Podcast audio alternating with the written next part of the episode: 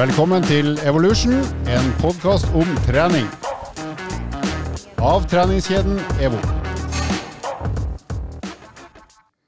Jepps, da er vi tilbake igjen i Evolution eh, studio, men vi er ikke i vårt, vanlige studio. I dag er vi i Oslo sentrum på Bjørknes privatskole i et meget trivelig værelse, og vi skal fortelle litt mer om grunnen til det etter hvert. Men uh, først så uh, må jeg jo snakke litt med han pene, og med han Lars. Uh, han Andreas som er rask. Han var så rask i helga at han ikke orka å være her i dag. Han er sjuk, han ikke det? Kom ikke frem i tide. Kom ikke frem i tide. Han gikk Birken, så vi vet ennå ikke om han har kommet i mål. Men han starta i hvert fall på lørdag morgen. Sist sett oppe på Sjusjøen. Ja. Eller om jeg kanskje ikke sett. Han er registrert Ja. på internett, men på en mellomtid. Men eh, det er jo mars, det begynner å bli vår. Det er fortsatt korona, og det er jo dritt. Men eh, det er varmere i været, det er sol. Og det er, når vi gjør innspilling her, som da er 8. mars, så er det ikke bare kvinnedagen, men det er dagen etter at faren min har hatt bursdag. Wow. Men jeg vet ikke hvor gammel han er. Jeg vet ikke hvor gammel han ble. Men eh, kvinnedagen, Lars. Har du Ja. noe å si om den? Ja, det er jo viktig at kvinnene har en egen dag der vi andre kan hylle dem. Nå er er vi veldig politisk korrekt. Ja, og det føler vi må være i det nærværet vi er nå. Ja, og nå skal vi si snart mer om det. Mer om det. Men eh, jeg har jo liksom ikke noe annet forhold til kvinnedagen at, eh, annet enn at det er en eh, fantastisk dag, sånn sett utenfra.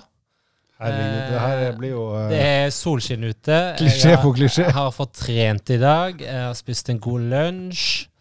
Så nei, det starta meget bra. Du har feira dagen med å trene og spise god lunsj. Ja, gratulerer alle damer. Han Lars er mett. Jo da, eh, hva har jeg å si om damer? Jeg syns jo nummer én det er helt tipp topp at det fins. Noe annet hadde vært trist. Eh, Og vi gutter trenger å både bli holdt i ørene og dratt foran og bak. Så, eh, så det tror jeg vi alle skal være glad for at det er. Det er jo faktisk flere damer enn menn i verden, er det ikke? Statistisk. Og det er sannsynligvis ikke tilfeldig.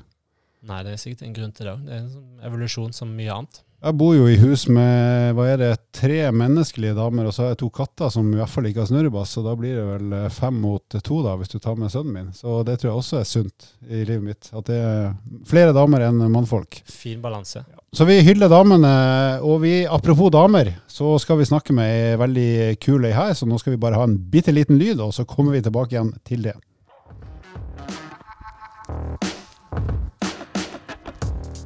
Ja, for eh, med oss i dag på Bjørknes privatistskole så har vi Lene Alexandra Øyen. Hei, Lene. Hei. Hei, hei. Jeg skal si litt om deg, og det er ganske mye å si om deg, så jeg har må ta korta ned i og med at podkasten skal handle om mer enn bare hva du har gjort. Vi Da stikker jeg og tar en kaffe så ja, ta to kaffe. jo da, Vi har med jo Lene Alexandra, og hun er jo mange ting. Hun er sanger, hun er låtskriver, hun er modell, forfatter. Hun er personlig trener og coach. Hun har bl.a. blant annet utdannelse etter PT. Hun er utdanna kostholdsveileder, coach og mentaltrener. Hun har vært teamsjef for eh, Team LA Lifestyle, som drev med bikini fitness på meget høyt nivå. Har drøssevis av pallplasseringer i eh, fitnesskonkurranser. Men det er kanskje flest i Norge husker jeg som er at du vant Skal vi danse i 2008. Da må jeg innrømme at uh, selv om jeg hadde en dårlig mobiltelefon, så fikk du noen stemmer av meg også. Er det sant? Tusen takk. Så det var litt kult. Du har også vært med i Melodi Grand Prix. Ja, to ganger. Ja, det er ikke dårlig. Jeg har aldri vært med i Melodi Grand Prix. Det er aldri for seint. Har du, Lars? Nei, det er mer enn vi noen gang kom til å få sjansen til. Vi kan lage- Verdens tristeste boyband. Det jeg har drømt litt om, faktisk, er kanskje å ha vært med å danse i bakgrunnen. For det ser fryktelig gøy ut. Det kan du si, si litt mer om. Men det ser eh, Selvfølgelig, det er jo toppidrett, det òg, det med dansing. Um, og det med all respekt. Det, den kroppskontrollen og den eh, ja, rett og slett den rytmen man har der, det Jeg tar meg hatten. Bøyer meg i støvet. Ja, det er veldig imponerende. Men du, du har jo skrevet bøker òg. Du har skrevet ei bok som heter Bra nok. Og så har du skrevet ei bok som heter Sterkere på tolv uker. Eh, du driver med så latterlig mange ting, og det ser ut, iallfall på Instagram og Facebook, at du gjør alt omtrent samtidig. Så hvordan i herrens navn får du tid til alt det her, eh, Lena Alexandra? Nei, det handler vel kanskje om prioriteringer, da. Um, og jeg har jo valgt bort uh, mann og barn. Smart. Så jeg eh, liker jo å ha litt å gjøre. Så jeg vet ikke. Jeg følger drømmene mine og skape det jeg har lyst til å skape, og utvikle meg og ja, virkelig få maks ut av livet, da. Så jeg trenger jo å sjekke av den listen min ikke sant, på alle ting jeg skal gjøre mens jeg er her på jorda. hva har du ikke gjort enda da, som du har, tenkt å gjøre? Hvis det er lov å spørre. Nei, nå går jeg jo her på Bjørknes privatskole eh, og skal ta studiekompetanse. Jeg eh, er jo ikke ferdig med norsk, men jeg har jo skrevet to bestselgere. Så Ja. det er jo litt kult. Så det er ikke så verst, det. Uh, så, men uh, muligheten kanskje for å studere videre er noe som jeg uh, funderer på å gjøre, da. Hva har du lyst til å studere da, omtrent? Åh, jeg har ikke helt bestemt meg ennå. Jeg tenker at jeg skal ta den avgjørelsen på våren 2022. Men um, jeg har både holdt foredrag og opptrådt på BI før. Og det virker veldig spennende å bygge sin egen bachelor. Mm. Jeg tipper det blir noe som har med lederskap og mennesker å gjøre, men det er bare et tips fra meg personlig. Er det et tips fra deg? Ja, jeg tror du kommer til å ende opp i en eller annen retning der. Takk, det var et hyggelig kompliment. Da ser jeg, basert på det du har gjort og hvordan du fremstår, så tror jeg det skal treffe ganske bra, faktisk. Det var fint å høre fra deg, for jeg vet jo hvor ærlig du er. Ja, ikke sant? Rett på. Eh, det høres ut som du er ekstremt god på det med planlegging, eh, og det kjenner jeg meg litt igjen i, men jeg tror du har en, kanskje en litt høyere gjennomføringskraft enn det jeg har, spesielt på det med min egen trening. Eh, det skal vi jo prate litt mer om i forhold til treningsdelen, den fysiske delen, men det, ja, det er spennende å høre hvilke tiltak og hvordan du strukturerer det, og hvordan du går frem i forhold til å da, nå de målene du setter deg. Du skjønner det, du skjønner det, Lene, at eh, han lar seg veldig god til å planlegge, men han er ikke alltid like rå på gjennomføringa. Men hver mandag så har han masse planer. Og så forteller han hva som ikke gikk etter planen også, forrige uka. Ja. Men eh, du, eh, apropos bøker. Eh, Jeg traff deg en eller annen gang for første gang i 2008, og det var faktisk i radiostudio, vil si venterommet. Ja, 2008, ja. ja, da er jeg med. Ja, okay. det, ja, for det var venterommet til P4, for da hadde, Ja. hadde jeg akkurat fått skrevet en bok som heter 'Fra tjukkas til kjekkas', og, og da hadde jeg med meg en av de tjukkasene, så vi skulle bare snakke om den boka i studio. Jeg Og da, da var du gjest i P4 før oss, så det var ikke noe planlagt møte, men da bare husker jeg at du var så hyggelig at du gadd å hilse og være litt interessert i hva vi eh, tullegutta holdt på med før du skulle på sjøl. Så jeg bare husker at det var et veldig hyggelig møte. Det var ikke noe planlagt, men jeg bare husker at det var første gang jeg traff deg live. Ja, Men det er fryktelig lenge siden, men da hadde jeg også skrevet bok. Men eh, ja, den, har, det. den har ikke solgt så mye som dine, dessverre. Det er moro uansett. Så Ja, det det. skape det man har lyst til, og skrive om det man brenner for. Mm, definitivt. Mm. Men du, hvis vi, vi, snakker litt om deg nå, og- du har jo i flere år nå framstått for de fleste som følger deg, som ei veldig aktiv dame, som gjør mye forskjellig, som vi skal snakke mer om, men som også er veldig glad i å trene. Så kunne du sagt litt om hvordan, hvordan trener du nå, og hva slags type trening har du holdt på med de siste 5, 6, 8, 10, 12, eh, 25 årene? Og hva, liksom, hva liker du best? Og, ja, hva har du prøvd ut? Hva liker du best? Hvordan eh, trener du nå? Litt av Jeg, eh, jeg har jo eh, trent hele livet. Jeg danset klassisk ballett da jeg var fire, eh, og spilte håndball fra jeg var 6-16. Og så var jeg med på fotballkampen også, fordi jeg skårte flest mål selv om jeg ikke var på alle treningene. Um, så jeg har jo alltid vært aktiv, og jeg er veldig takknemlig for at foreldrene mine gadd å kjøre meg rundt på alle de aktivitetene, for det har betydd så mye for meg. Eh, og så har det vært veldig viktig i forhold til psykisk helse også opp igjennom. Det har vært en arena hvor jeg har følt at jeg har eh, mestret noe, noe jeg har vært god på. Eh, og som alle vet, så er jo livet fullt av ups and downs og berg-og-dal-baner. Og ja, treningen det er virkelig stammen i livet mitt. Og jeg startet som aerobic-instruktør 17 år gammel på Askim helsesenter. Ble lært opp av ei av de som var lokal instruktør der. Helen Christoffersen, kjempedyktig dame. Og um, begynte å trene litt styrketrening da. Spiste min første havregrøt. Uh, smakte dritt første gangen, men eh, nå spiser jeg det hver dag. Um, Riktignok med litt mer sånn sjokoladesmak og sånn. Med Eh, smak. Ja. Eh, og um, så har jeg bare sånn trent gradvis, men det var vel først etter jeg vant Skal vi danse, at jeg gikk veldig all in og virkelig fant styrketreningen. Og, eh, og styrketreningen det er jo noe jeg virkelig brenner for, og det er jo mye det min nye bok 'Sterkere på tolv uker' dreier seg om også. Eh, fordi eh, det har hjulpet meg ut av spiseforstyrrelser. Det å fokusere på å bli sterk framfor tynnest mulig, og få i deg nok mat. eh, det gjorde rett og slett at jeg gikk ut av spiseforstyrrelsene, og derfor så er det så utrolig viktig for meg da, å få ut det budskapet til så mange jenter og kvinner, og også menn for så vidt, som mulig. da. Mm. Eh, fordi det er så viktig informasjon, og jeg føler ikke at altså, uansett hvor mye vi repeterer det, så får vi ikke repetert det nok. Mm. Ja, det du sier, bare, det er veldig mye å ta tak i. Men det du sier med 'skal vi danse', det har jeg hørt du, du har fortalt om før. I den perioden der så trente du, eller dansa og gjorde sånne ting, fire til seks-sju timer hver dag. Stemmer det, eller? Ja, jeg er jo en type person som kan gå litt all in i ting, da. Og spesielt hvis jeg har satt meg et tydelig mål. Eh, og det hadde jeg jo der. Um, jeg var vel i en fase i livet hvor jeg ønsket å gjøre en endring. Fordi jeg følte at jeg hadde gått på tvers av mine verdier litt for mange ganger og blitt herset med litt for mye. Så jeg var klar for å gå videre. Jeg visste ikke helt hvor jeg skulle, men jeg valgte å bare kaste meg uti det uansett. Eh, jeg var jo så heldig å få muligheten til å delta i Skal vi danse, og da så jeg en unik mulighet til å uh, gjøre en endring i livet mitt, og til, å kunne vise flere sider av meg selv. Så i tillegg så var jeg nederst på bettinglistene, og så gikk jo min uh, gamle manager ut og sa at uh, det var som å fjerne Altså når jeg fjernet silikonen, da, som jeg gjorde før konkurransen, så sa han at det var som en fotballspiller kapper av seg beina før VM. Mm. Og så gikk han andre manageren min fra utlandet ut og sa at why change a winning team? Trivelige karer der. Og det var akkurat det jeg trengte for å bare tenke sånn OK, watch me. Og da bare klikka det i mitt hode, og så valgte jeg bare å gjøre alt som skulle til for å prestere best mulig. Og selvfølgelig, jeg kunne jo ikke vite hvor bra det skulle gå, men jeg valgte i hvert fall å legge ned tid og arbeid og fokusere på det som ville gjøre at jeg kom lengst mulig. da.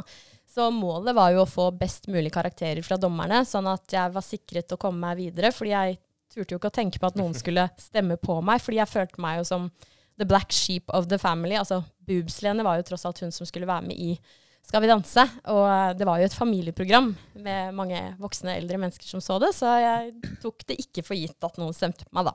Men du, Hvordan var følelsen når du oppdaga at oi, det er jo faktisk en del i Norge som gidder å stemme på meg? Det er jo ikke bare dommerne. Det var veldig rørende.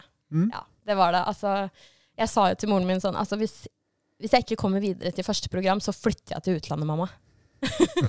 Men jeg slapp jo det, da, fordi jeg kom jo videre, og det var jo eh, en veldig veldig fin bekreftelse på. da. Ja, det må jo ha vært eh, kult det, å rett og slett få folkets støtte. Det har aldri jeg opplevd og kommer aldri til å skje heller, men det må være ganske rått.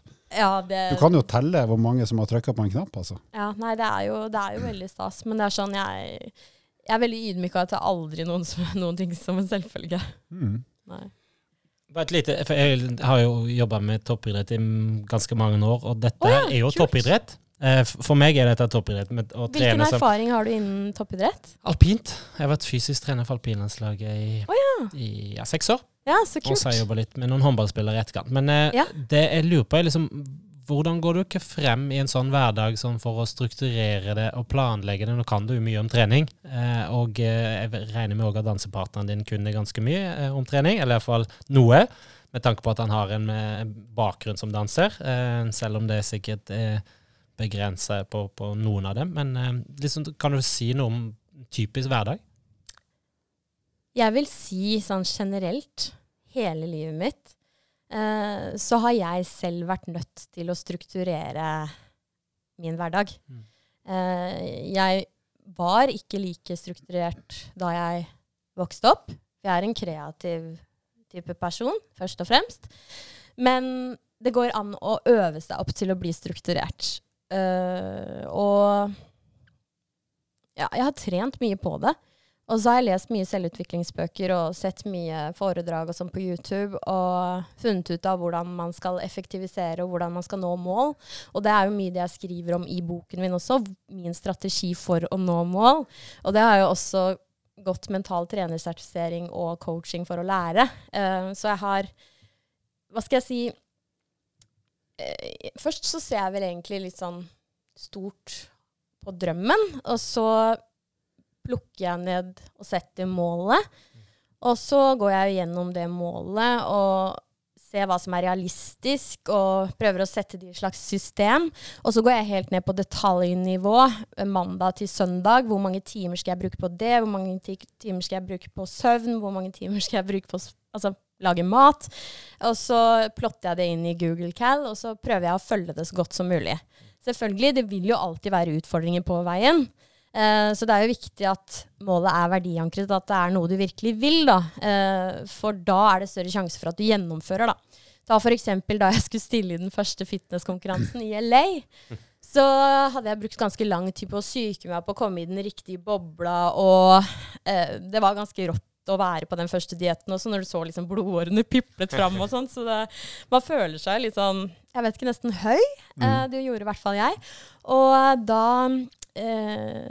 da var det sånn eh, Da jeg kom dit, eh, så var jeg på en måte i min egen sånn boble. Eh, og og det, var, det var jo også veldig sånn strukturert løp hvor jeg måtte følge planen. Men eh, nå falt jeg litt ut av det. Hva kom jeg inn på? Ja, nei, du er inne på planen. Altså struktur, struktur Hvordan får du tid til alt? Altså, hvordan klarer du ja. å planlegge det det? Ja, jo, det jeg skulle si var at eh, jo, grunnen til at jo, det er veldig viktig at, at du virkelig vil det, og at det kommer fra deg. Eh, ikke gjør det som er politisk korrekt, men gjør det du har lyst til. Fordi du vil alltid få motgang. Og det som var så interessant under den prosessen, var at eh, jeg gjorde en, et intervju på side2.no eller noe sånt, og så fikk jeg haugevis av sånne kommentarer. Du tar anabole steroider, du ser ut som en mann, og, og full pakke da. Og jeg bare Akkurat da så var jeg så på riktig plass mentalt, da, fordi jeg hadde forberedt meg så mye, så jeg bare Ja vel? Altså, hvem er det egentlig som er eh, ute å kjøre her? Eh, det er i hvert fall ikke meg, fordi jeg følger jo drømmene mine og gjør det som skal til. Du bruker tid på å sitte i et kommentarfelt. Det syns jeg er latterlig. Så, så det er viktig at du eh, driter litt i hva folk rundt deg sier, og fokuserer på arbeidsoppgavene og det som kan ta deg ett skritt nærmere målet. Da.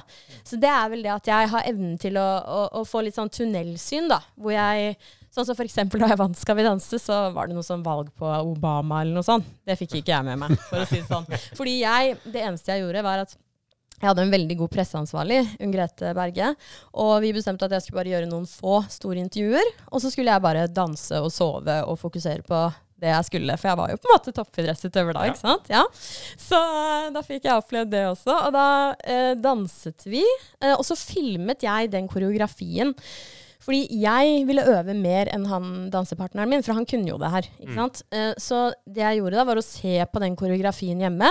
Og så la jeg meg i sengen, og så visualiserte jeg så for meg at jeg danset på parketten. Eh, feilfritt.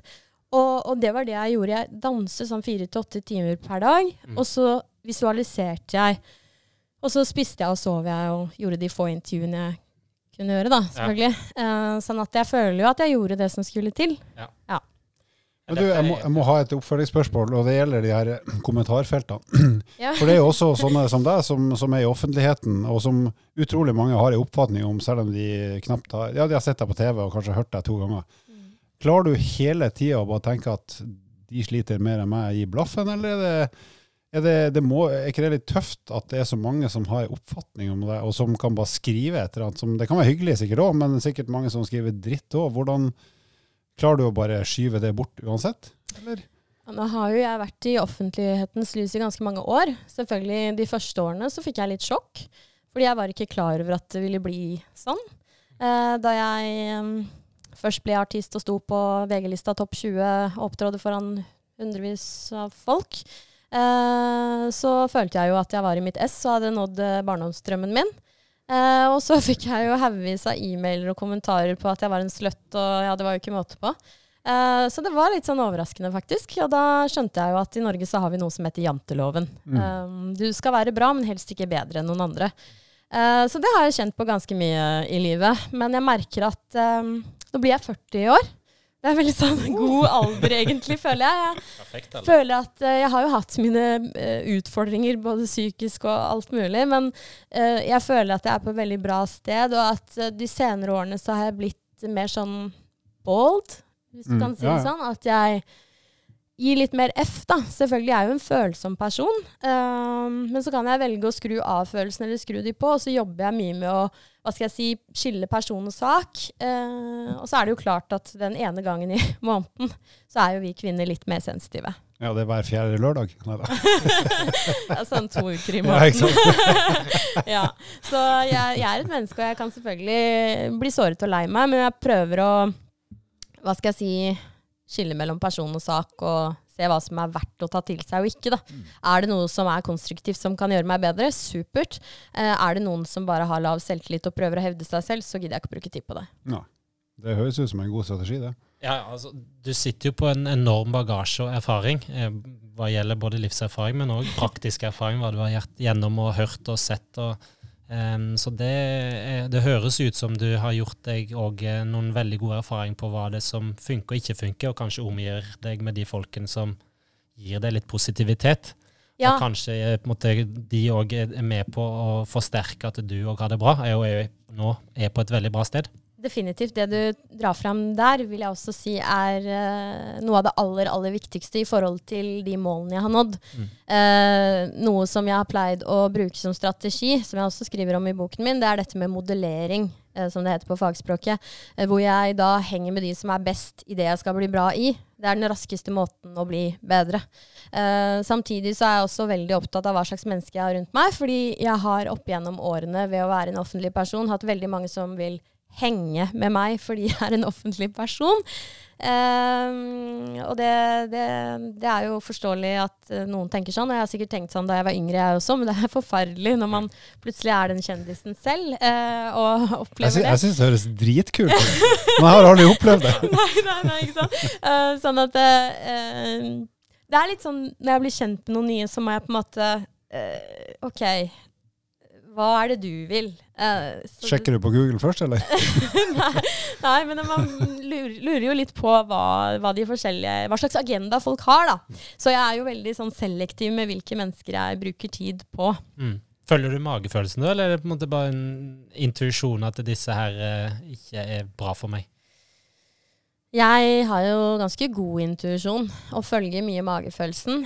Og um, jeg har jo selvfølgelig brent meg og blitt lurt og brukt og utnyttet masse. Um, så ja, og det kommer sikkert til å skje igjen. Um, og jeg har sikkert brukt og utnyttet noen, jeg også. Så. Men uh, livet blir til mens vi går veien, og uh, jeg blir veldig veldig takknemlig de gangene jeg møter mennesker som bare ser meg som et menneske. men Jeg må spørre en, en, ting til, og det blir litt sånn, skal ikke være noe kjendisintervju der. Men du har jo valgt å være veldig åpen. Du deler jo, virker som så å si alt både i media og, og dine egne kanaler på Instagram og Facebook overalt. Og hva, eh, jeg tenker jo Det er jo ganske modig å tørre å være åpen, for det er jo mye enklere å bare holde det for seg sjøl. For da kan man egentlig styre hvor mange input og utput man må gi. Så eh, hva, hva, ligger bak det at du rett og slett tør å dele så mye fra hele livet ditt, egentlig nesten hele tida? Eh, interessant spørsmål. Eh, det har jo vært forskjellige faser i livet, men jeg er nok født ganske åpen og ærlig, egentlig. Og så hadde jeg en del forskjellige PR-eksperter som, som, skulle fortelle meg hvordan jeg skulle være noen år, og hvor jeg da ble coachet til å være veldig politisk korrekt osv., og, så videre, og det passer jo egentlig ikke meg. Um, min er jo, nei, Bestemoren min er jo nordlending, og jeg, jeg vet ikke, jeg har jo hatt full frihet og jeg har ikke blitt satt i noen boks hjemmefra. Uh, så jeg liker jo mennesker som er ærlige, og som er seg selv. Og det er vel kanskje en av grunnene til at jeg velger å være mer åpen og snakke om ting som kanskje ikke alle andre ville ha snakket om. Uh, og si ting som kanskje ikke alltid er så politisk korrekt. Fordi jeg, jeg føler på en måte at jeg er på den jorda for å kunne gjøre en forskjell. Og et av mine hovedbudskap, da, som jeg også skriver om i boken, det handler jo om at jeg tror at vi mennesker er den sterkeste utgaven av oss selv når vi lever i tråd med våre verdier. Eh, og jeg tror også at når jeg er mer åpen, så gjør det at andre føler seg bedre. Eh, og ved å skape mer åpenhet, så tror jeg at vi også kan bryte ned tabuer. Eh, sånn at det blir mer samhold, og, og, vi får en bedre verden. Ja, ja. Nei, men det høres uh, ut som et ganske bra skritt i den retninga, hvis vi alle sammen gidder å slappe av litt.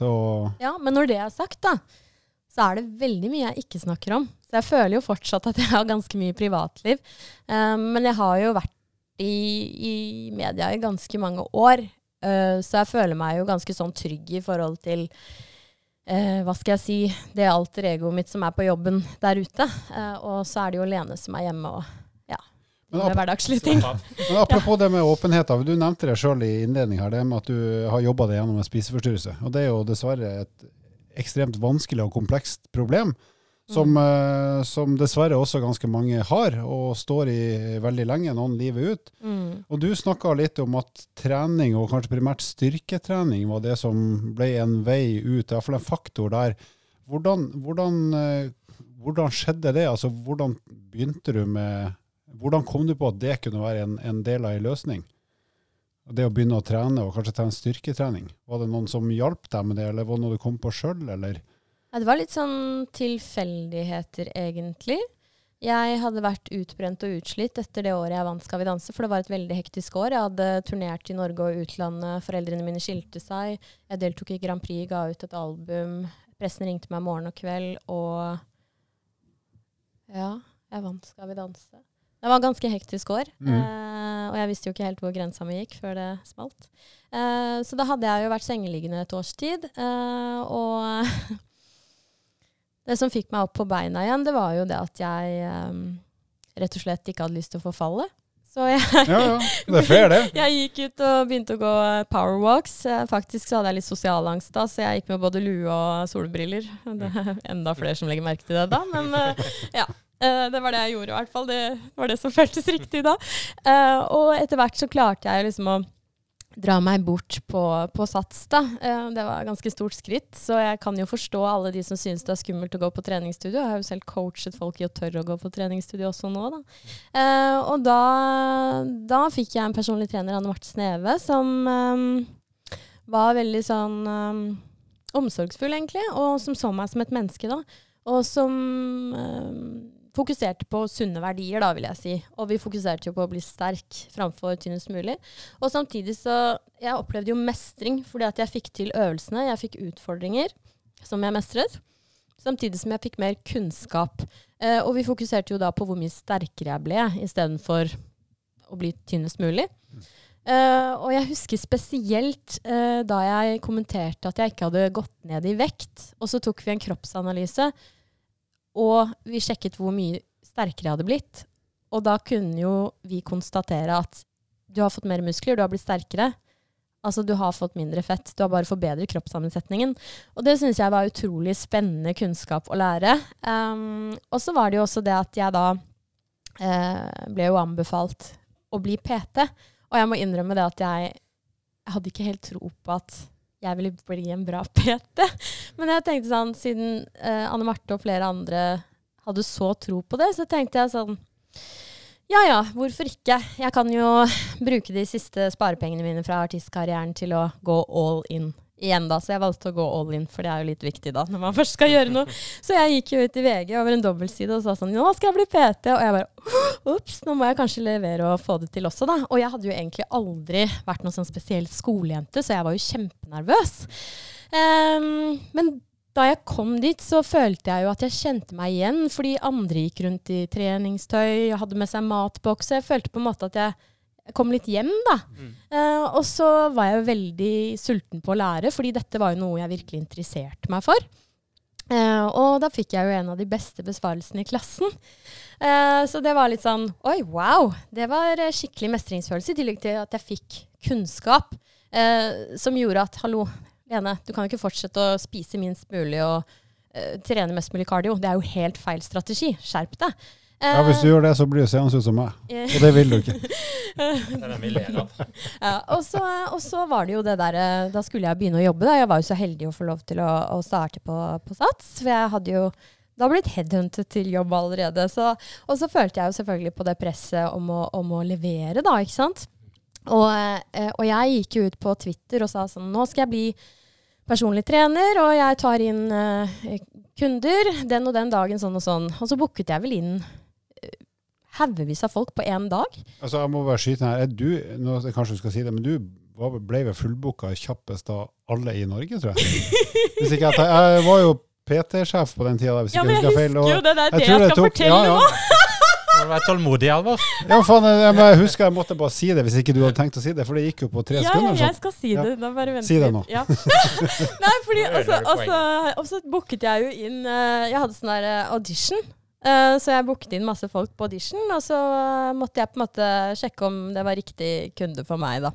Og så booket jeg inn alle de. Og etter en dag så hadde jo jeg blitt fullbooket, og jeg hadde rekord på salg etter to dager på jobb, og det var mer enn noen noensinne hadde solgt på en måned. Og det tror jeg faktisk du sendte på melding til meg, Halvor, på e-mail. Ja, og da husker jeg at jeg, jeg tror nesten jeg begynte å grine. Fordi det er sånn, Jeg hadde vært i showbiz og vært modell i årevis og fått masse sånn negative kommentarer. og liksom bare sånn, Var liksom motløs. Og så får jeg den meldingen og bare sånn Åh, herregud! Da ble jeg jo så rørt, ikke Jeg er kommet hjem. Ja, men så var det jo det, da. At jeg skulle jo Jeg måtte jo da vise resultater også, så jeg kjente jo skikkelig på det der prestasjonspresset. Men så var jeg så heldig da å få en mann i, 40-årskrise som gjorde alt jeg sa. Så jeg fikk jo han ned 18 kilo på bare noen måneder eller sånn. Og da brukte jeg jo han som eh, reklameplakat, da. Ja, ja. Og det, det var jo så gøy. Fantastisk. Ja, Så det da skjønte jeg jo at ja, jo, jo, kanskje jeg kunne bli en ok PT. Ja, nei, jeg husker de, de, de tallene. Det gikk, de gikk veldig fort å få det til det der. Altså. Det husker jeg, det var imponerende. Altså. Men jeg syns jo altså det er sånn Man skal jo bare hjelpe folk. Mm. Altså Som PT eller gründer generelt sett, da, det handler jo om å løse andres problemer. Klarer du å ta de fra A til B og sørge for at de når målet sitt? Det er jo det det handler om.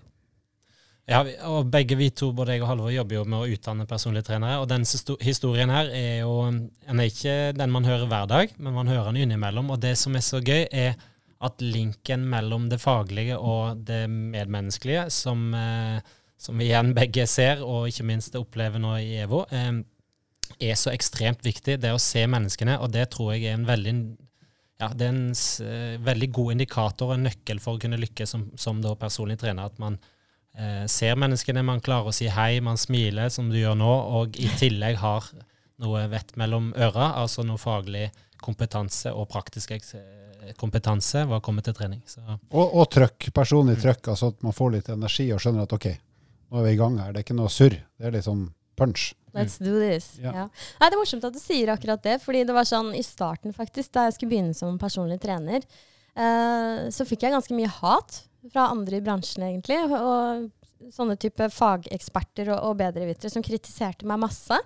Og det var jo ganske sånn Jeg følte jo ikke at jeg var verdensmester med en gang, så det var jo ikke så ålreit. Og jeg husker jeg var i et team hvor jeg da fikk eh, i oppgave å snakke om sosiale medier og hvordan man kunne selge seg selv osv. Og, og jeg tror jeg fikk bare sagt én setning før en av de sa sånn Ja ja, det er lett for deg å si. Som om jeg bare kom dit uten å ha jobbet for det. Um, det er jo eh, helt feil, for jeg har jo jobbet ræva av meg, og sendt bilder av meg selv til gud veit hvor mange nettsider før jeg ble en kjent person osv. Det kommer jo ikke av seg selv. Uh, så, så det er jo Jeg ble jo utrolig rørt og, og glad uh, da boken min 'Sterkere på tolv uker' gikk rett inn på bestselgerlisten i januar, da. Fordi det hadde jeg jo virkelig ikke forventet i det hele tatt. Så um, nei. Men, men du har jobba for det. Ja. Og apropos det, det du, har, eh, du er opptatt av at jenter skal trene styrketrening. Du er opptatt av at jenter ikke skal være redd for å bli svær, men Mm. at de skal tørre å bli sterkere. Hva eh, er det på bakgrunn av dine egne erfaringer? Er liksom, for du er veldig tydelig på det budskapet. Det går liksom igjen overalt. Takk, det er hyggelig å høre. Um, hva skal jeg si? Eh, det er jo viktig å ehm, ha en visjon eller ha noe man brenner for, og kunne bidra og gjøre en forskjell i andre menneskers liv. Da. Eh, og er det noe jeg har sett og lagt merke til opp gjennom årene, eh, spesielt blant kvinner, men også menn, så er det for lite styrketrening.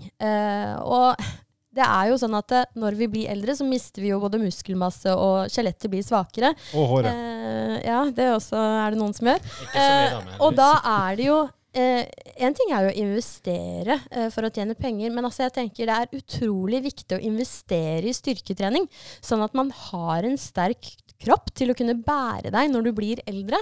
Og også mange kvinner er jo opptatt av å se bra ut, det er for så vidt menn også. Eh, og da er det jo faktisk sånn at styrketreningen er jo det som gjør at du holder på formene dine.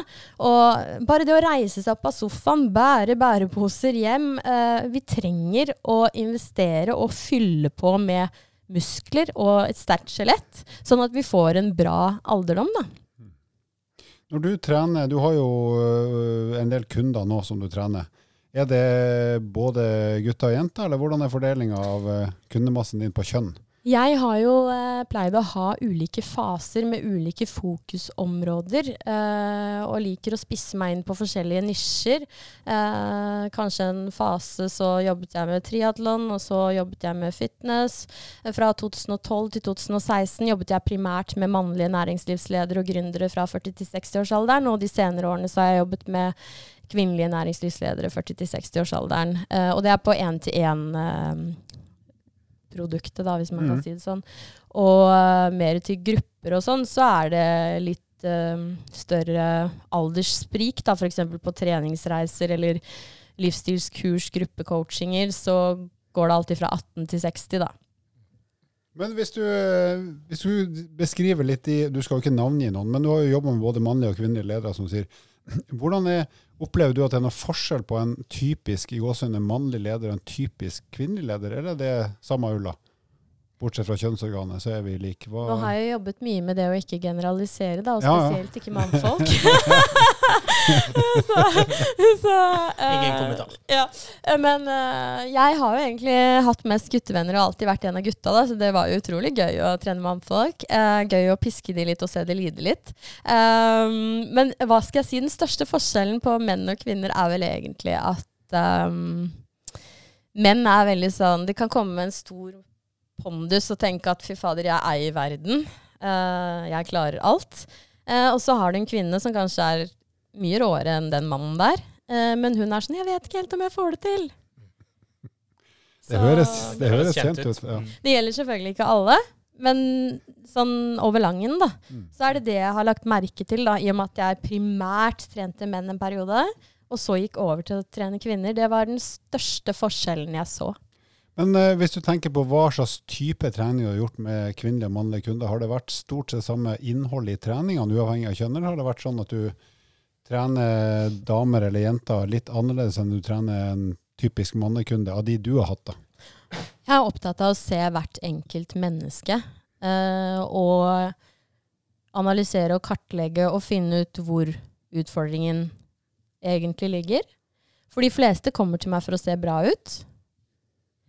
Men det er som regel utfordringer som ligger litt dypere. Og jeg har jobbet mye med helheten og eh, med endringsprosesser. Eh, og det kan jo være veldig varierende, men jeg har vært igjennom en del skilsmisser f.eks. Eh, og så har jeg vært igjennom en del eh, endringsprosesser i forhold til jobbskifte. Eh, så det hender at folk ikke har det så bra akkurat der de er. Og så En ting er at jeg hjelper dem med trening og kosthold. Eh, det er jo ganske sånn basic, men det kan være litt utfordrende å følge planen hvis man har for mye utfordringer i livet. Da. Så da ønsker jeg gjerne å løse opp i det først. Eh, så nå i senere tid så har jeg hatt ei som har kommet seg ut av en skilsmisse, og jeg har støttet henne i den prosessen. Og så har jeg hatt en annen kvinne som ble trakassert og hadde en veldig eh, uhyggelig leder, hvor jeg hjalp henne da å eh, bytte karriere. For man kan jo bli ganske knekt etter å ja, være i en dårlig relasjon, enten det er i kjærlighet eller i, i business, og kan miste troen på seg selv. Så da jobber jeg med å få de til å få tilbake troen på seg selv, og ja, kaste de ut i nye utfordringer. Da.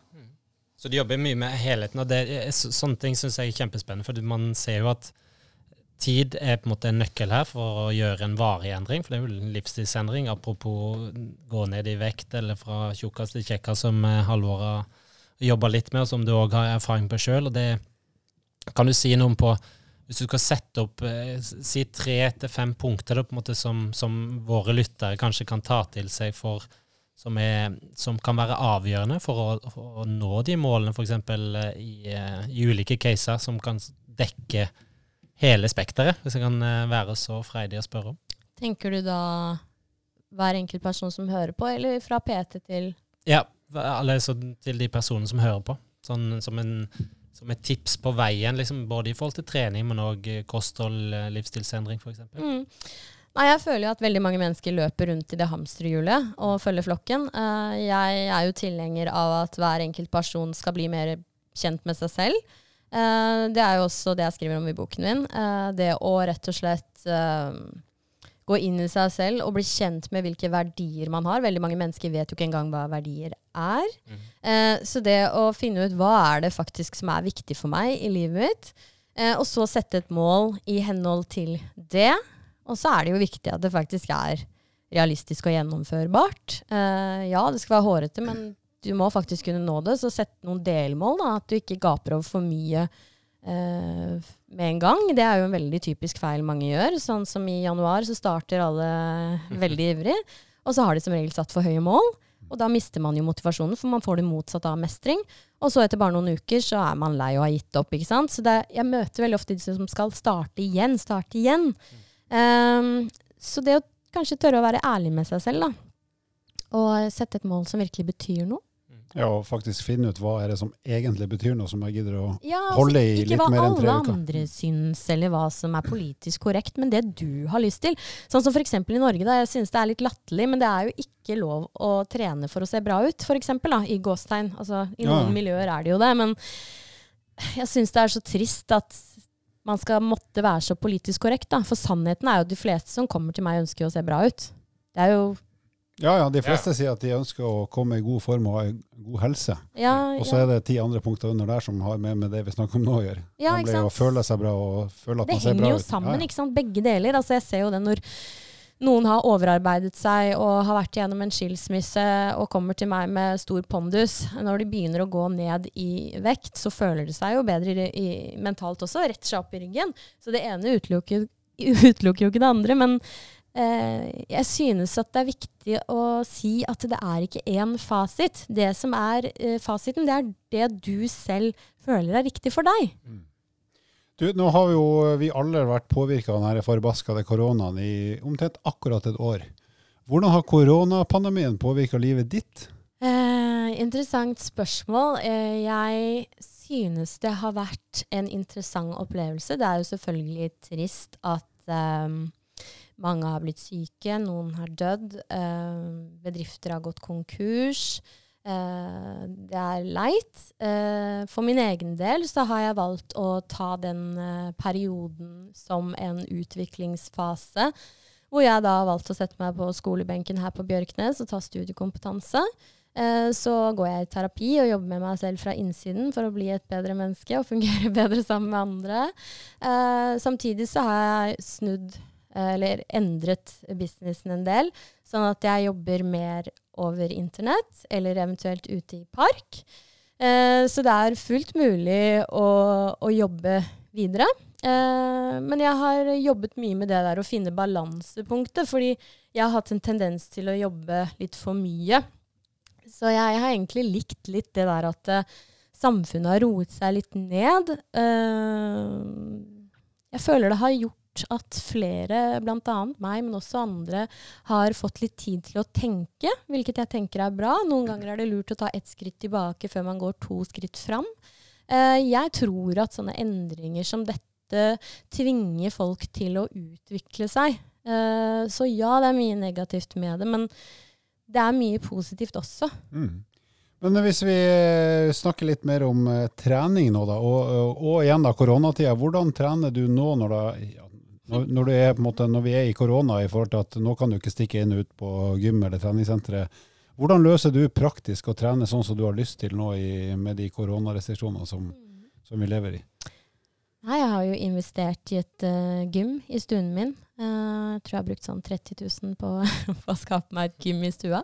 Uh, så jeg har jo rack og skiver og manualer og sånn hangups i døra, sånn at, jeg, at det ikke er noe unnskyldning, da. Du har ordna deg rett og slett hjemme? Ja, og det er rett og slett fordi at jeg vet hvor viktig treningen er for min psykiske helse. Jeg trenger de endorfinene for å fungere og prestere, og for å ha ro og struktur i min hverdag. Eh, sånn at eh, Det er sånn som jeg alltid pleier å tenke, da. Eh, Do whatever it takes. Altså, det er kun deg det går utover, Lene, hvis ikke du gjør det som skal til. Mm. Eh, sånn at eh, hvis jeg hadde bare driti i treningen, drite i å spise sunt, drite i å stå opp om morgenen, så vet jeg at jeg ikke hadde følt meg så veldig bra i dag. Jeg vet hva jeg trenger for å føle meg bra. Og jeg trenger åtte timers søvn. Jeg trenger næringsrik mat, jevnlig påfyll. Jeg trenger å trene og produsere endorfiner. Jeg trenger styrketrening, jeg trenger litt kondisjon, jeg trenger å komme meg ut i skauen.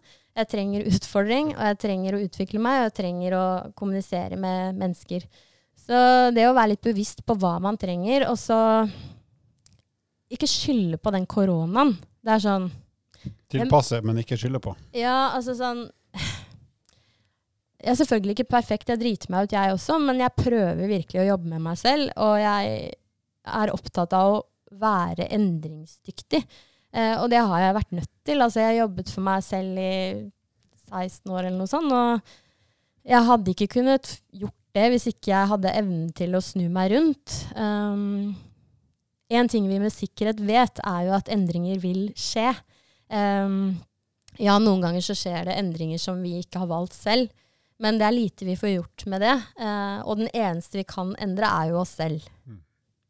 Men uh, hvis du skal da eh, til lytterne og til oss som sitter her rundt bordet, hvordan ser eh, liksom, en eh, effektiv 30 minutters treningsøkt ut for deg? Altså Du legger ut masse på, på Insta, blant annet, så kan du Ja. følge deg der. Det glemte jeg jo å si. Jeg har jo faktisk Så der får man jo definitivt innblikk i hvordan du trener. Eh, Mm. Ja, både og, da. Fordi jeg er jo litt grei. Så jeg legger jo ut en del økter som er sånn typisk jeg ikke trener, fordi at jeg vet at veldig mange av de som følger meg, eh, synes jeg trener for hardt, og at de blir demotivert av en del av øktene mine, faktisk. Uh, sånn at hvis jeg legger ut noen økter med bare egen kroppsvekt, uh, så blir følgerne mine mye mer glad, fordi da er det noe de får til. Og det tok meg veldig lang tid å forstå, fordi jeg er faktisk en av de som blir skikkelig motivert hvis jeg ser noen som er helt rå på Instagram med masse blodårer, og som bare svinger rundt i stenger og tar eh, muscle-ups og gjør ting jeg bare ikke kan, så tenker jeg sånn wow, tenk om jeg får til det. Det Så- kan jeg få til, tenker jeg. Ja. Men så er det jo det er litt i forhold til det som heter intern og ekstern lokuskontroll. Da.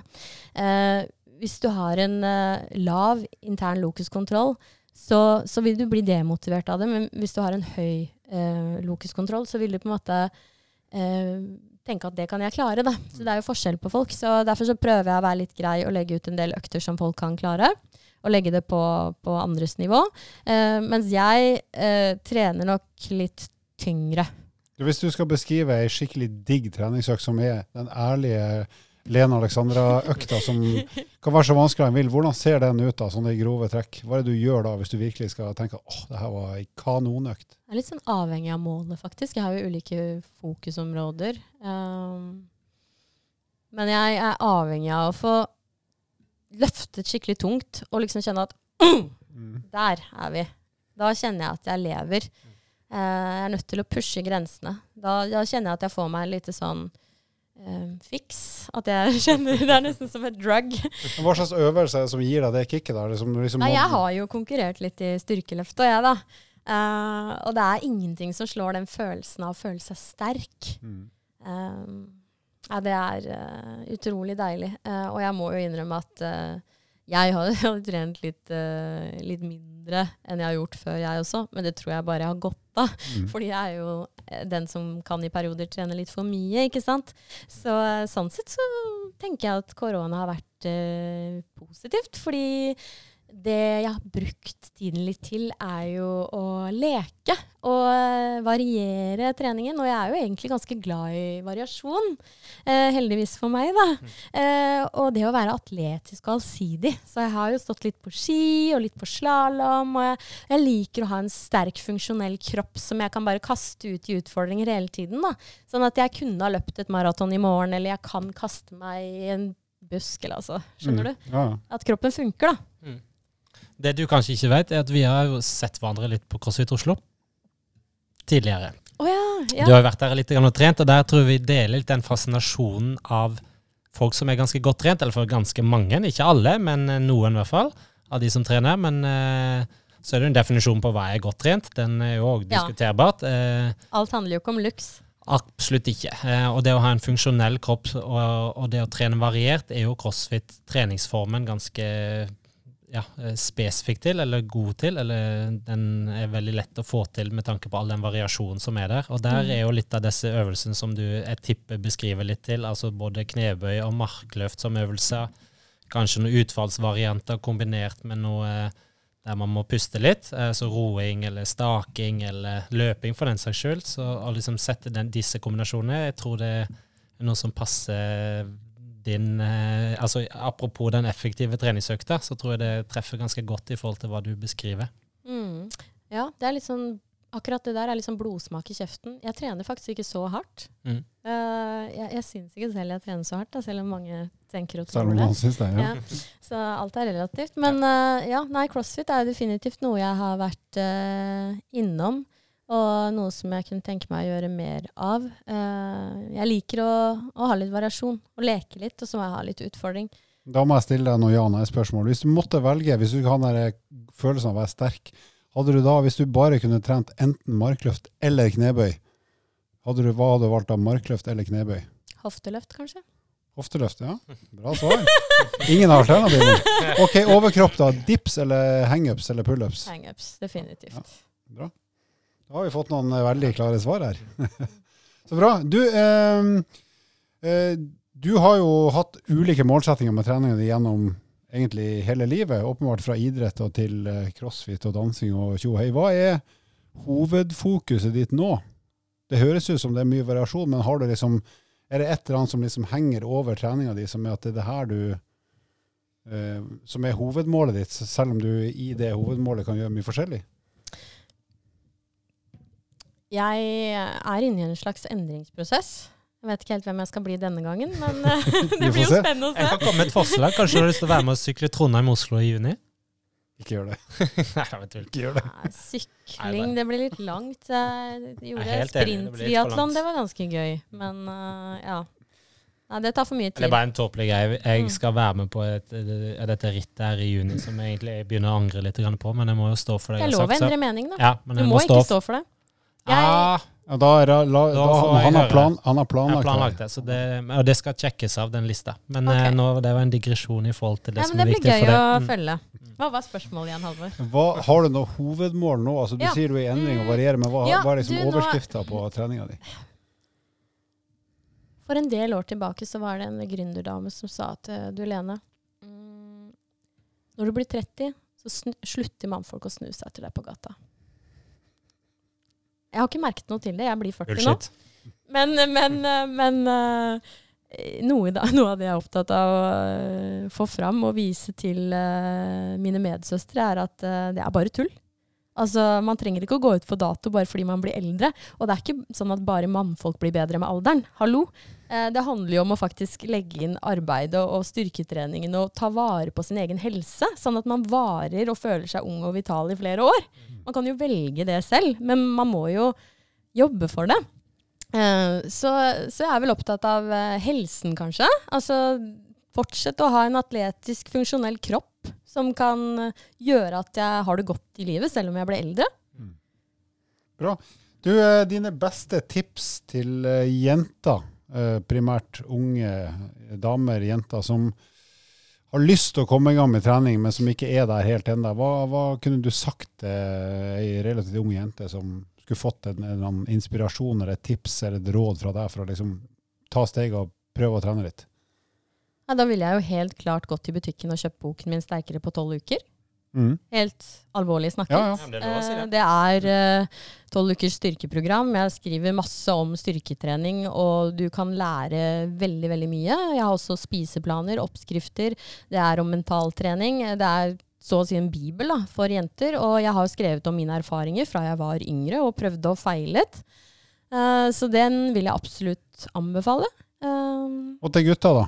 Eh, kan de også gå for den boka, eller? eh? Det er faktisk ganske mange mannfolk som har kjøpt den boka. Ja. Eh, det hadde jeg heller ikke ventet, men det er jo hyggelig det. Men det er jo mye som eh, kan brukes både for menn og kvinner. Da. Det er klart at på kostplanene så må man jo spise litt mer når man er mann. Eh, men når det er sagt, da, så spiser jeg mer enn mange mannfolk. Blir de skremt av det? Ja, går det det er bra? noen som jeg syns det er litt imponerende, egentlig. Sånn jeg sluker maten og spiser dobbelt så mye. Men det er jo òg en liksom misoppfatning av eh, spesielt da, mot det kvinnelige kjønn at man blir større av å trene så mye, ekstremt mye styrketrening. Og det, det tror jeg er ganske viktig å få frem. At man må ikke være Det redd skriver jeg også om i boken, faktisk. Ja, det vel jeg Hjelp! Blir jeg svær? Nei, du blir ikke det. Altså, ser jeg svær ut? Jeg har trent styrketrening i ganske mange år. Mm. Eh, Eh, og det er jo veldig mange kvinner fortsatt som tror at hvis du spiser salatblader og løper på mølla, så blir du fit. Fit, hva er fit? Veldig mange nå til dags vil jo gjerne ha en markert kropp med litt muskler, sprettrumpe og den type ting. Det får du ikke av salatblader og eh, lange løpeturer. Det Eh, er uh, et er et du godt eksempel på. Det er faktisk et bevis på at du har rett, altså. Uh, nei, så da er det viktig at uh, Det jeg ønsker, er at flere kvinner skal en, spise mer mat, løfte tyngre vekter, tørre å ta i, rett og slett. Og ikke være redd for å gå på treningsstudio. Altså, jeg blir så irritert. Det er ikke forbeholdt mannfolk. Og der, men der må jeg skyte inn, Vi har nevnt i et par tidligere episoder at vi syns det er veldig kult å se at det er flere og flere jenter og damer som faktisk går i frivektsavdelingene og trener knebøy, markløft, Mm. holder på med kettlebells og, og hantler. Så, så det syns jeg, som er så gammel at jeg har vært i bransjen i gud meg 20 år snart, Mm. å se at det er liksom, nå begynner å bli nesten 50-50 på en del plasser. Men trener du mye styrke, eller? Ser du ikke det? Nei, men sånn ærlig ærlig Ja, helt ærlig. altså Nå har jeg blitt sånn jeg, er jo, jeg tenker du er heldig som eh, snart bare er 40, for jeg er snart 50. ikke sant? Så Men det jeg er da ingen alder. Nei, nei. 50 and fabulous. Ja, ja, ja, er du gal. Så det driter jeg i. Men nå har jeg blitt hekta på sykling. Ja.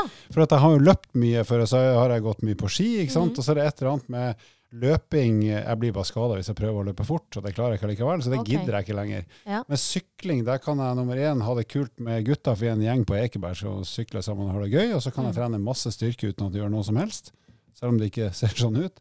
Så sykling Nå er snakker du deg selv ned. Nei, jeg er bare ærlig, men jeg driter, i, Ja, jeg driter jo i det. Ja. Eh, Men jeg har masse å gå på, og det er jo kult. Da kan jeg bli bedre. ikke sant? Mm. Og sykling kan jeg holde på med sannsynligvis til jeg blir sikkert 65-70 år. Fordi at det er skånsomt, og likevel kan det være knallhardt. ikke sant? Mm. Så det er ikke sånn at skaderisikoen er OK, jeg kan bli påkjørt og dø, men utover det så er det liksom Det liksom er jo ganske leit, da. Men Ja, ja. eh, hva slags skader er det du har fått med løpingen? Bare sånn. Ja, det er masse hamstringstrekk og greier, så jeg har eh, Ja. prøvd og prøvd. Men så Men, nå eh, er det digg å prøve noe nytt. Som Men jeg da holde på tenker jeg jo at du egentlig burde trene mer styrketrening. ja, men, Og du som kan så mye Skal trening. Skal jeg fortelle en uh, hemmelighet? Jeg trener styrke fem ganger i uka. Ja, du gjør det. Men nå, nå trener jeg mye da pga. sykkel, for å bli sterkere i ræva og lårene. Ræva er bra å være sterk i. Så nå, jeg har jo i podkasten sagt at mitt nyttårsforsett for 2021 er å ta 10 ganger 100 kg knebøy. Ja. Som er pinlig dårlig, men uh, det er bedre enn det har vært før. Altså, Man må jo ikke sammenligne seg med alle andre. Det handler jo om å bli bedre enn man var i går, og så gjøre det som skal til for å nå målet sitt. Og hvis uh, målet er å bli sterkere i ræva, så er jo det way to go. Er. Kjøre inn litt hofteløft, da, Ja, så blir det ja, ja. bra. Lett. Det er jo viktig å få frem at Halvor har jo sine faser, han og litt sånn som du har vært igjennom. Og disse kondisjonsfasene er helt uh, lovlig, og det er bra. Eh, og jeg kan jo også si, jeg har vært i garderoben og i dusjen med Halvor flere ganger, han ser jo ut som han trener styrke òg, det er bare noe han prater Ja, ned. nå har han jo klær på, så det er Ja. ikke så lett å se. Ja, for Han jeg kom, inn, i jeg kom inn naken, jeg kledde på meg etter hvert. Han ærer kvinnedagen med å sitte i sånn eh, Godt påkledd. Ja, godt Men, men jeg er litt nysgjerrig singlet. i forhold til eh, det med kondisjonen, da. eh, og all den løpingen. Hva er det som har drevet deg til det? Nei, jeg, jeg har jo, etter at jeg var ferdig med idrett og fotball, sånn, så, og så blir, får man unger, og så finner du ut at du kan ikke gjøre så mye du vil. Men jeg har alltid vært, eh, blitt drevet av å ha én ting jeg har lyst til å bli bedre i. Mm. Det kan være roing eller løping eller sykling. Da gidder jeg å gjøre den jobben du snakker om at du faktisk må gidde å gjøre. For hvis jeg har sånn her Nei, det er ikke så farlig, egentlig. Hvis jeg bare tenker at ok, jeg skal bli litt bedre til å sykle opp bakkene på Ekeberg, eller litt bedre i den sykkelgjengen, hvor jeg skal slå de andre gutta, så holder det for meg. og Da kan jeg gå et år og bare gjøre det jeg kan Mm. innenfor mine grenser. Men hvis jeg bare tenker at jeg skal bare holde meg i form, da funker ikke jeg, altså. Vet du hva, det er jeg så enig i. Veldig kult poeng. Eh, fordi alle sier sånn at du skal holde balansen, du skal trene for helsen. Eh, og jeg har jo også pleid å ha veldig sånne ekstreme mål, sånn som deg. Og det tenner meg. Det gjør at jeg gjør det som skal til. Og så har jeg jo prøvd å trene bare for helsen. Men da er jeg ikke like motivert. Nei, jeg synes det blir jeg, sånn det er. ja, jeg synes også det blir litt Bare kjedelig. si det. Ja, det blir litt kjedelig for min del. Da synes jeg det blir sånn Det er noe med det å liksom kjenne at man living on the edge. Ja, jeg har lyst, jeg, jeg vil at det skal bety så mye at OK, jeg har jo et gym i i kjelleren, ikke sant. Kult. Så da gidder jeg å gå ned på fredag klokka halv ni. Mm. Eh, og så sitter jeg og trør på den forbaska sykkelen i to timer da, og har det helt jævlig, men også jævla godt. Mm. Eh, men det hadde jeg ikke gidda gjort hvis jeg bare skulle ha holdt meg litt i form. Ingen suksess uten smerte, som jeg sier. Og så er det jo også her viktig å få frem den styrketrening du gjør, er jo eh, Jeg liker ikke ordet rehabilitering, men det er skadeforebyggende. Men det er mer prestasjonsfremmende trening, den styrketrening du gjør. For du er smart nok til å vite hvilke øvelser du må gjøre for å kunne sykle enda bedre. Og så kjører han litt brystpress i maskin, som er viktig for Jeg bare må fordi kona sier at Jeg han må ha trener mye benkpress selv. Mm. Det er faktisk en av mine beste øvelser i styrkeløft. Det vil jeg tro. Det er bra. Eh, Jeg syns det er så kult å gjøre det som er liksom feil, eller det som ikke forventes. Ja, ja, nei, det er sant. altså, har jo noen det er liksom sånn gutteøvelse. Da føler Ja. jeg at det selvfølgelig skal jeg være bra i benkpress. Bra. Vi liker det. Ja, og så er det den med kroppsproporsjoner. Altså, noen har jo en kropp som passer bedre til enkelte ting. Altså om hun er markløft eller knebøy som han ikke er så god i fordi han har lange lårbein, f.eks. Mm. Mens jeg har en markløftkropp som har lange armer som jeg slipper å Ja. Mens jeg ikke har en benkpresskropp. Så det er din beste eller- øvelse? Ja, det vil jeg si. Mm. Mens pullups og pushups og benkpress og uh, pullups er helt forferdelig. Men hva har du spurt om? Ja, jeg spurte hva maksen din var i markløft. Maksen min er 225. Oi. Shit. Så det Men det er ikke lang bevegelsesbane. Det spiller ingen Nei, rolle. nei, men det Nei, spiller ingen rolle, det. Altså, vi, har, vi har alle våre talenter. Jeg, jeg tror jo at alle mennesker har et potensial, og alle har et talent. Mm. Men det gjelder bare å finne det, Mm. og være, være ærlig med det, og ta imot de komplimentene man får, da. Prøv, prøv mange nok ting helt til du finner ut at det her er faktisk laga for å gjøre bra. Absolutt. Og så er du der. Absolutt. Og der fant jeg sykkelen. Ja. Men det er for gammel til å bli god. Men samme det. Du, du har hatt mye kunder. Kan vi spørre, hva er den kuleste kunden du har hatt? Du trenger ikke å si noen navn, men hva slags person var, er liksom den kuleste kunden du har hatt som eh, PT eller coach? Det er vanskelig. Jeg har hatt så mye kule kunder. Hva er en kul kunde, da? Jeg plukker de jo selv. Ja, ja, ja, du har jo Jeg går jo ut og henter de. Men hva er en kul kunde for deg, da? Hvordan, eh, hva slags menneske er det? Jeg vet ikke. Jeg, jeg synes det er veldig spennende med menn som egentlig ikke tror de trenger hjelp. De fins det vel en eh, del av òg, kanskje? Som jeg får på glid. eh, Som uh, jeg kan endre tankesettet til. Det er uh, spennende. Når du endrer tankesettet, så gjør du det via trening, eller er det totalpakka med samtaler og massevis av prosesser og trening? Hvordan får du til det? Det er en totalpakke. Det er uh, en hemmelig oppskrift. Så du har ikke noen tips til de hundretusenvis av norske damer som lurer på hvordan skal jeg klare å Få mannen min i gang. Å gud! Å gud! gubben eller eh, Å, ja, ja. broren min eller faren min til Nei, det, å skjerpe det, seg? det er faktisk eh, ganske interessant akkurat det der. Jeg får jo mange mailer fra kvinner som vil sende mannen sin til meg. Eh, og motsatt. Eh, men det må komme fra den personen. Mm. Altså Det er veldig vanskelig faktisk å få partneren sin til å komme i gang med treningen. Så det er veldig sånn ømt eh, tema også. Og man skal være litt forsiktig med hva man sier til partneren sin. Altså, selvfølgelig skal man være ærlig, men man har ikke lyst til å vise den sårbarheten til sin bedre halvpart ofte, da. Det er sånn vanskelig Det er nok et uh, godt poeng, det. altså. Ja, så det må egentlig komme fra noen andre. Mm. Uh, Så det beste egentlig, da, hvis man er kvinne og ønsker at mannen skal komme i form, det er egentlig å sende han litt mer ut med aktive kompiser, f.eks. Mm. Mm. Kan være lurt. Jeg beit meg merke i noe du sa litt tidligere i episoden, og det er jo det med eierskap. Um, så Ikke de må eie det sjøl. Ja. Det kan ikke være noen andre som har sagt det. De fleste mannfolk liker ikke å bli fortalt hva de skal gjøre. Det kjenner meg igjen i. Med mindre de har bedt om det. Ja, ja, ikke sant. Mm. Jeg sitter her og bare er flau nå. Det, det har jeg god grunn til. Men du, hva er den rareste? Du har sikkert fått utrolig mye rare henvendelser fra både folk på gata og eh, kunder. og Hva er, liksom, hva er den rareste henvendelsen du har fått som PT eller kjendis eller artist? Og jeg tror ikke jeg klarer å trekke fram én ting, fordi at jeg, jeg har opplevd så veldig mye forskjellig, og så tror jeg nok at det andre tenker er rart, tenker kanskje ikke jeg at er rart, fordi jeg blir ikke så veldig lett overrasket eller sjokkert, Uh, fordi at uh, min range eller min opplevelse, altså det er så mye Det er ingenting som overrasker meg lenger. Ok, Hvis jeg hadde bedt deg om, eller du sagt du, kan jeg betale deg for å være klovn i bursdagen til sønnen min som blir 11 år, hadde du tenkt ja ja, det, det er jo ikke noe rart. har jeg hoppet opp av en eske en gang òg, jeg. Har du det? Ja, ja, ja. Jeg har gjort uh, mye rart i, i min tid. Men, uh, men jeg liker mennesker som er rare, da. Ja. Jeg liker jo litt utfordring. Sånn at sånn helt vanlig A4 jeg skal bare holde ved like, de sender jeg gjerne videre. Ja, du vil ha utvikling. Ja, eh, det var faktisk derfor jeg startet å trene mannlige næringslivsledere i 2012. Fordi jeg ønsket mer utfordring. Og, og da fikk jeg en næringslivsleder i et stort investeringsselskap som uh, sa imot meg hele tiden. Mm. Eh, og som skulle fortelle meg hvordan jeg burde gjøre ting. Uh, og det vil jeg si at var interessant. Fikk testet meg selv litt da. Han endte jo opp med å trene hos meg helt til 2016. Og så hadde jo ikke jeg mer kapasitet, fordi det eksploderte i selskapet mitt. Men vi ble veldig gode venner etter hvert. Mm. Så jeg syns det er eh, Jeg liker mennesker som er litt sånn annerledes. Kult. Du, eh, du har jo skrevet to bøker. Hvordan kom du på det? og liksom, Satt du bare ned og tenkte at nå skal jeg skrive bok, eller hvordan har den prosessen gått i forhold til liksom å det, en- det tar tid å skrive bøker, og det må, en eller annen gang så må det være en tanke som gjør at det kommer til å skje. Hva, hvordan var opptakta til at du begynte å skrive de to bøkene? Jeg hadde jo aldri trodd at jeg skulle bli forfatter. Altså Som sagt tidligere. Jeg er jo ikke ferdig med norsk engang. Så det blir jo spennende nå til høsten, da. Om jeg får lyst til å skrive flere bøker, kanskje. Uh, men uh, den første boken, 'Bra nok', uh, den skrev jeg etter at jeg kom ut av en utbrent fase hvor jeg hadde hva skal jeg si, oppdaget hvor perfeksjonist jeg var. Og jeg trodde jeg hadde kommet til et punkt hvor jeg kom til å være bra nok for resten av livet, egentlig. Jeg, trodde, jeg var ikke klar over at det egentlig var ferskvare. Uh, så jeg følte at nå er jeg på et punkt hvor jeg er bra nok, og det føles jo veldig deilig. Eh, men så har jeg jo skjønt i ettertid at ja, det er jo ikke permanent. Men i hvert fall så ønsket jeg å dele mine strategier for hvordan jeg hadde kommet dit. Uh, og da skrev jeg den boken på et halvår.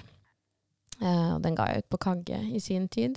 Så det var et ganske sånn raskt prosjekt. Men da var det ei som skrev, og så bare snakket jeg, hvor jeg delte litt erfaringer fra livet mitt og sånne type ting. Og så kom jeg med noen eh, tips og råd, da.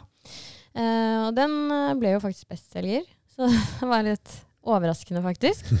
Eh, og så den nye boken, den har jeg skrevet på en litt annen måte, for da har jeg skrevet alt selv. Eh, og så har jeg skrevet litt sånn innimellom alt det andre jeg driver med. Har jeg skrevet noen sider, så har jeg lagt den ligge, skrevet noen sider. Og så eh, kom jeg jo til Gyllendal, og så eh, gjorde de eh, boken enda bedre, egentlig. For de fjernet veldig mye tekst, og så eh, renskrev de språket mitt. Det er det som er bra med Det er det som er bra store selskaper, og når jeg ikke er ferdig med norsk, så er det jo perfect. Så, så jeg vil si at det var en god match, og vi sammen gjorde en bok som, som har blitt en suksess. Da. Um, så jeg er veldig veldig takknemlig for at jeg fikk såpass mye frihet. Jeg fikk lov til å lage en veldig sånn unorsk, eh, fargerik bok, hvor jeg kan være ærlig. fordi det som var viktig for meg, var å skille seg ut med at boken er litt mer faglig enn vanlige sånn typisk treningsbøker for kvinner. Uh, for jeg har litt høyere tanker om følgerne mine, at de ønsker mer kunnskap, og at de er smartere.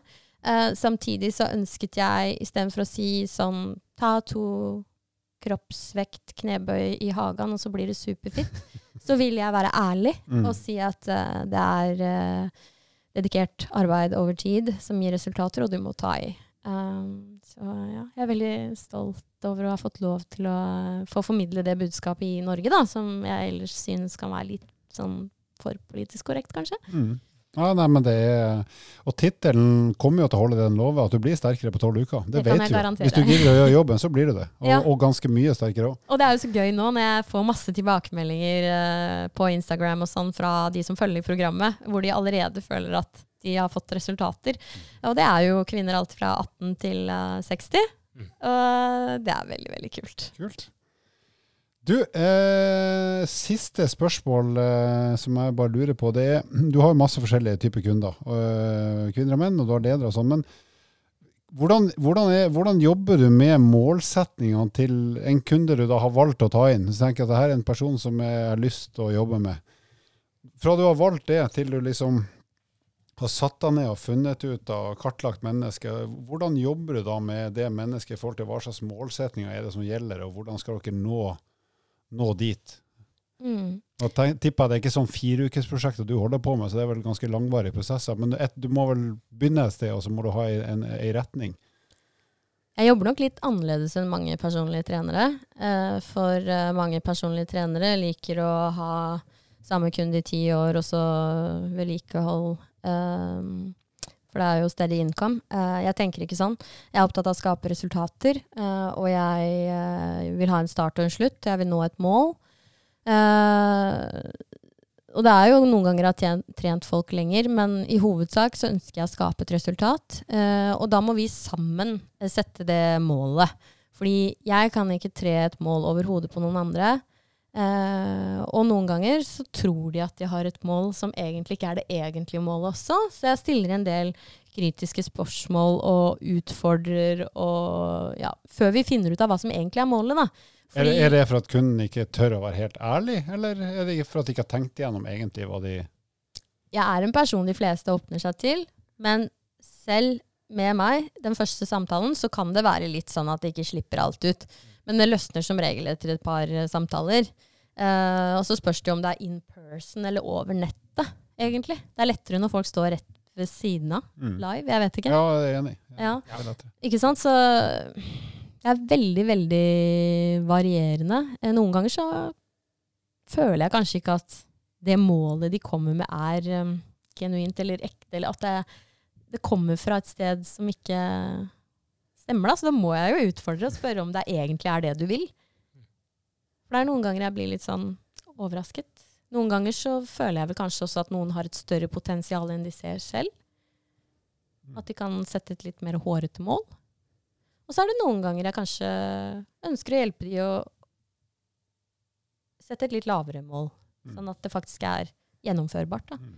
Så jeg må føle at jeg har tro på at det målet vi setter sammen, er mulig å nå. Og hvis ikke så vil ikke jeg være coach, da sender jeg det til noen andre. Og så har du da, sier du, du har et tydelig resultatmål og også en sluttdato, eller er det sånn at du setter resultatmål, og så når dere kommer dit, så er du da er dere happy, og du kan sende det videre, eller, eller jobber du da videre med nye mål? Det spørs. Eh, jeg hadde en mann som jeg trente over veldig lang tid. Eh, og det fungerte veldig bra fordi at eh, vi hele tiden satte nye mål. Eh, jeg synes det er viktig. At man ikke bare fortsetter å trene noen, og så kommer man egentlig ikke noe videre. Da føler jeg litt sånn at jeg stjeler andres penger, og det er jeg ikke interessert i. Godt, da har vi fått blitt veldig godt kjent med deg, Lena Alexandra. Du har mye å fortelle, og du er jo akkurat så ærlig som det vi visste at du var. Så det har vi satt veldig stor pris på. Nå skal jeg trykke en liten lyd, og så skal vi ha en fun fact og et spørsmål eh, nå i avslutninga av eh, podkasten.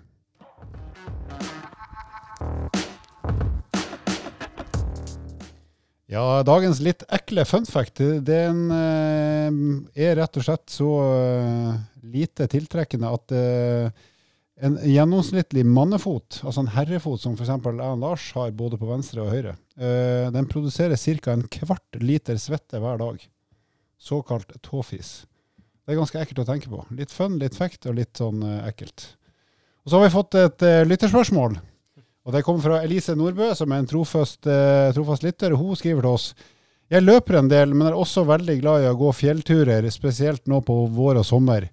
Kan en god og lang fjelltur regnes som en rolig langkjøring? Vet at det ikke blir det samme som å løpe, men eh, blir ikke nok dager i uka til å komme over alt det jeg vil. Hva tenker du om det, Lars? Det For det første så er det et eh, veldig relevant spørsmål i den tiden vi nå går inn i. Um, og vi prata litt om det i forrige episode. Den overgangen fra å nå ha gått en del på ski, kanskje stått i noen alpinsko, eh, gått med langrennssko, så det trenger jo litt tilvenning. eh, Hva kommer til spesielt akilleshæle, leggmuskulatur, og for så vidt òg eh, eh, strukturer, ligament i kne og lår, eh, hofte og rygg. Så eh, dette kan i mine øyne være en veldig god erstatning eh, i forhold til å ha en langkjøring, da å ha nok belastning på beina over tid, som da en, en fin fjelltur vil, ha. Det man skal være litt obs på, er, og som kan være et godt tips å ta med seg, i hvert fall i en startfase, er jo litt avhengig av terrenget man går i. Oppover så er det jo eh, sånn at vi løfter jo vår egen kroppsvekt x antall ganger, så man må være på en måte både sterk i sete, rumpe, som Lene er godt opptatt av, og som vi òg er opptatt av sterkt eh, løfteapparat, eller strekkeapparat. Eh, men òg det å eh, gå nedover, som er ganske belastende da på kroppen. For du har igjen kroppsvekta di, og den støter jo mot for hvert eneste skritt du tar, avhengig igjen av hvilke svevfaser og hvor bratt det er. Så det er et lite tips å ha med seg, er å ha med staver, som man kan bruke både i forhold til balanse, men òg i forhold til å avlaste den totale belastninga som en, da, en fjelltur eller en langtur gitt at den er fra f.eks. 60 minutter til to timer eller tre timer, avhengig igjen av distansen og lengden på det. Så bruke staver på turene eh, hjelper deg i forhold til balansen, men òg avlaste muskulaturen, og det er spesielt forside lår og knestrukturen som på en måte får den største belastninga på sånne type turer. Ja, og den der å gå nedover, eh, som jo ofte er på slutten av en tur, som du har, vært, du har gått opp først, så er det jo smart å rett og slett eh, dempe litt støtbelastning med stavene. Ja, og Det kommer fra en gammel mann som trenger det, men det er smart for unge folk òg. Ja, det å bremse og bremse og bremse. I tillegg så er det lurt å ha med seg eh, det med å ha godt fottøy, som vil hjelpe deg både i forhold til støtte og balanse, og igjen eh, grep, så man ikke sklir eller detter og faller og får eh, skader som er egentlig veldig unødvendig, sånn i utgangspunktet. Bra. Da Elise, håper jeg du er helt uh, tydelig på at vi anbefaler definitivt lange, fine fjellturer, i tillegg til å løpe og gjøre mye annet. Mm. Da skal Lars si et eller annet rart, og så er vi ferdige for nå. På kvinnedagen så får, du- får vi si noe fint om Vet du hva, da, da vil jeg si et eh, flott slagord fra 70-tallet. Mm. Kvinner kan. Vil du vite mer om trening, abonner på podkasten og sjekk ut vårt treningsmagasin på evo.no.